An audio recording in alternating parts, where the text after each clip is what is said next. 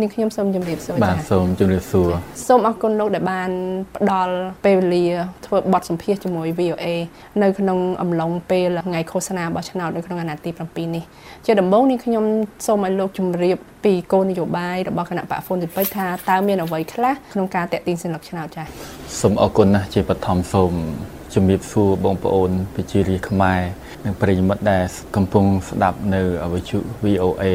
នៃការផ្សាយនេះហើយគណៈបកហ្វុនស៊ីពេយើងក្រោមបកិច្ចដឹកនាំដល់គង់ពោះព្រះអង្គចាស់នររមចក្រវុឌ្ឍបានដាក់ចេញនៅគោលនយោបាយ9ចំណុចសម្រាប់បំរើបងប្អូនប្រជារាស្ត្រជាពិសេសដោះស្រាយនៅបញ្ហាជាតិមួយចំនួនដែលកំពុងតែជួបបញ្ហាក្នុងនោះដែរគណៈប កហ្វុនស៊ីពេយើងដាក់ចេញនៅគោលនយោបាយសំខាន់សំខាន់ដូចខាងក្រោមទី1យើងប្រកាសការពារព្រះរាជបល្ល័ង្ករបបរាជានិយមអាស្រ័យរដ្ឋធម្មនុញ្ញនិងគោរពកិច្ចព្រមព្រៀងសន្តិភាពទីក្រុងប៉ារីសថ្ងៃទី23ខែតុលាឆ្នាំ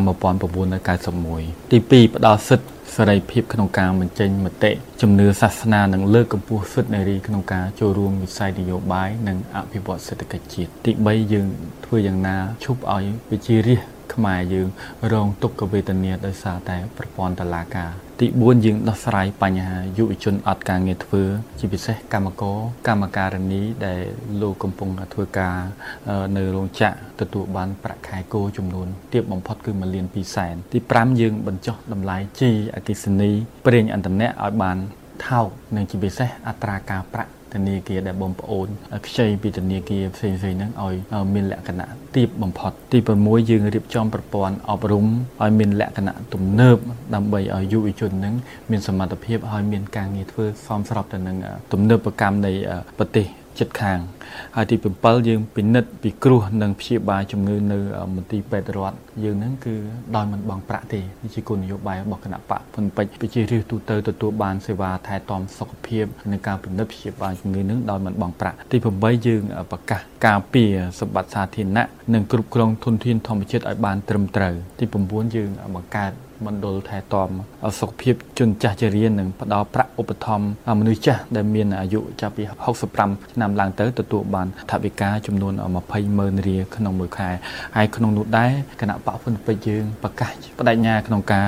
បង្ក្រាបជួញដូរគ្រឿងញៀននិងប្រមូលជនរងគ្រោះដែលរងគ្រោះដោយសារគ្រឿងញៀននឹងយកបព្យាបាលបន្សាបអីជាដើមដោយមិនបង់ប្រាក់ទាំងនេះជាគោលនយោបាយនៃគណៈបកហ៊ុនពេជ្រដាក់ចេញនៅក្នុងអាណត្តិទី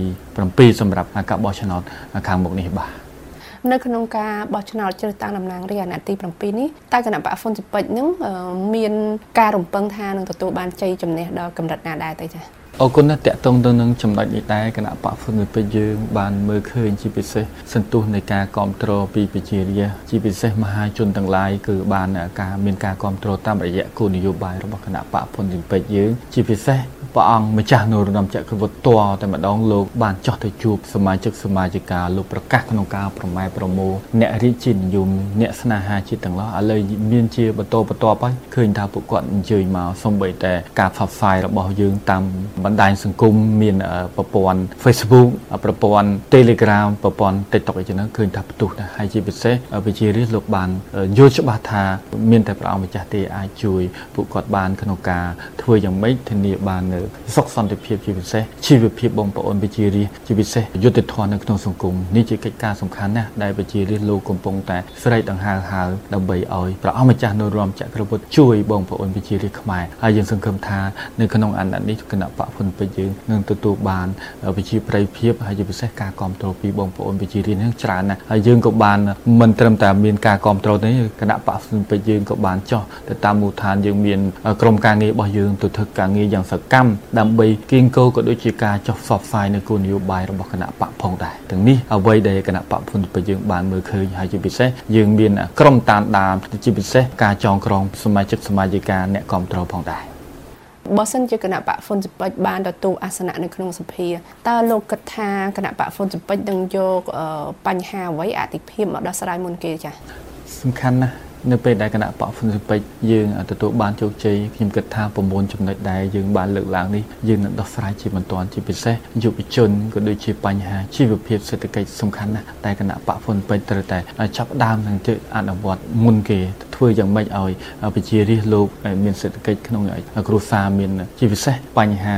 បងប្អូនដែលជាប់បំណុលធនាគារជាដើមយើងត្រូវតែពិនិត្យនិងជួយសម្រួលយ៉ាងណា ធ្វើឲ្យគាត់មានសេដ្ឋកិច្ចល្អជាពិសេសជីវភាពរស់នៅតែម្ដងបាទតើ លោកកត់សម្គាល់យ៉ាងណាដែរនៅក្នុងស្ថានភាពដំណើរការបោះឆ្នោតជ្រើសតាំងតំណាងរាស្ត្រអាណត្តិទី7នៅក្នុងពេលនេះរហូតមកដល់ពេលនេះគណៈបកហ្វុនស៊ិនពេជ្រយើងបានធ្វើការងារយ៉ាងសកម្មក្នុងការចោះមូលដ្ឋានក៏ដូចជាការហែកក្បួនយើងឃើញថាដំណើរការនៃការចូលរួមគ្រប់គណៈបកនយោបាយនឹងបានបញ្ចេញសកម្មភាពជាពិសេសឃើញថាពុំមានអំពើហិង្សាណាមួយកើតឡើងសម្រាប់គណៈបកហើយគណៈបកហ៊ុនពេជ្រយើងបានឲ្យចោះទៅធ្វើសកម្មភាពឃើញថាប្រជារាស្ត្រផុសផុលហើយគាត់បានចូលរួមសកម្មក្នុងការអ្នកខ្លះបានសូមដើម្បីចូលរួមជាមួយគណៈបកឯអីជាដើមយើងឃើញថាបរិយាកាសនយោបាយនៅកម្ពុជាយើងនេះឃើញថាគ្រប់គណៈបកទាំងអស់សុទ្ធតែមានភាពចាស់ទុំហើយមិនដែលប្រើពាក្យញុះញង់ហើយក៏ជេរបន្តិចគ្នាទេឃើញថាល្អគួរអាចទទួលយកបានបាទបើសិនជាប្រៀបធៀបបរិយាកាសនយោបាយនៅក្នុងអំឡុងពេលបោះឆ្នោតអាណត្តិនេះប្រៀបធៀបទៅនឹងការបោះឆ្នោតកន្លងកន្លងមកលោកសង្កេតឃើញថាមានការខុសប្លែកគ្នាឬក៏មួយយ៉ាងម៉េចទេចា៎ ដូចខ្ញុំនិយាយខាងដើមចឹងគឺមានការប្រែប្រួលដោយសារតែប្រជារាស្ត្រលោកមានភាពចេះដឹងហើយគណៈបកនយោបាយក៏លោកបានដឹងច្បាស់តកតងទៅនឹងនីតិវិធីនិងបទបញ្ជាកាលណាតាធ្វើអ្វីមួយប្រាក់ចាក់តែតែទទួលនៅទោសទណ្ឌក៏ដូចជាគណៈបកនយោបាយនោះក៏គាត់បានដឹងអញ្ចឹង កន្លងមកតែងតែមានបណ្ដឹងឥឡូវឃើញថាករណីបណ្ដឹងអីហ្នឹងវាមានតិចតួចបំផុតសម្រាប់គណៈបកហ៊ុនពេជ្រយើងមិនទាន់មានករណីណាដែលយើងអាចថាជាបណ្ដឹងនៅឡើយទេយើងកំពុងតែទៅកន្លែងណាដែលអាចកើតមានក៏យើងនឹងបណ្ដឹងដែរប៉ុន្តែមករហូតមកនេះឃើញថាបរិយាកាសគឺល្អប្រសើរខ្ញុំសង្ឃឹមថាចាប់ពីពេលនេះរហូតដល់ថ្ងៃបោះឆ្នោតនិងបរិយាកាសនៅតែល្អសម្រាប់គ្រប់គណៈបកទាំងអស់មិនថាតែគណៈបកតូចឬធំទេគឺយើងមានសិទ្ធិស្មើគ្នាអញ្ចឹងសូមឲ្យបរិយាកាសនេះបន្តកើតមានសម្រាប់កម្ពុជា ជាចុងក្រោយនេះតើលោកមានសារឬក៏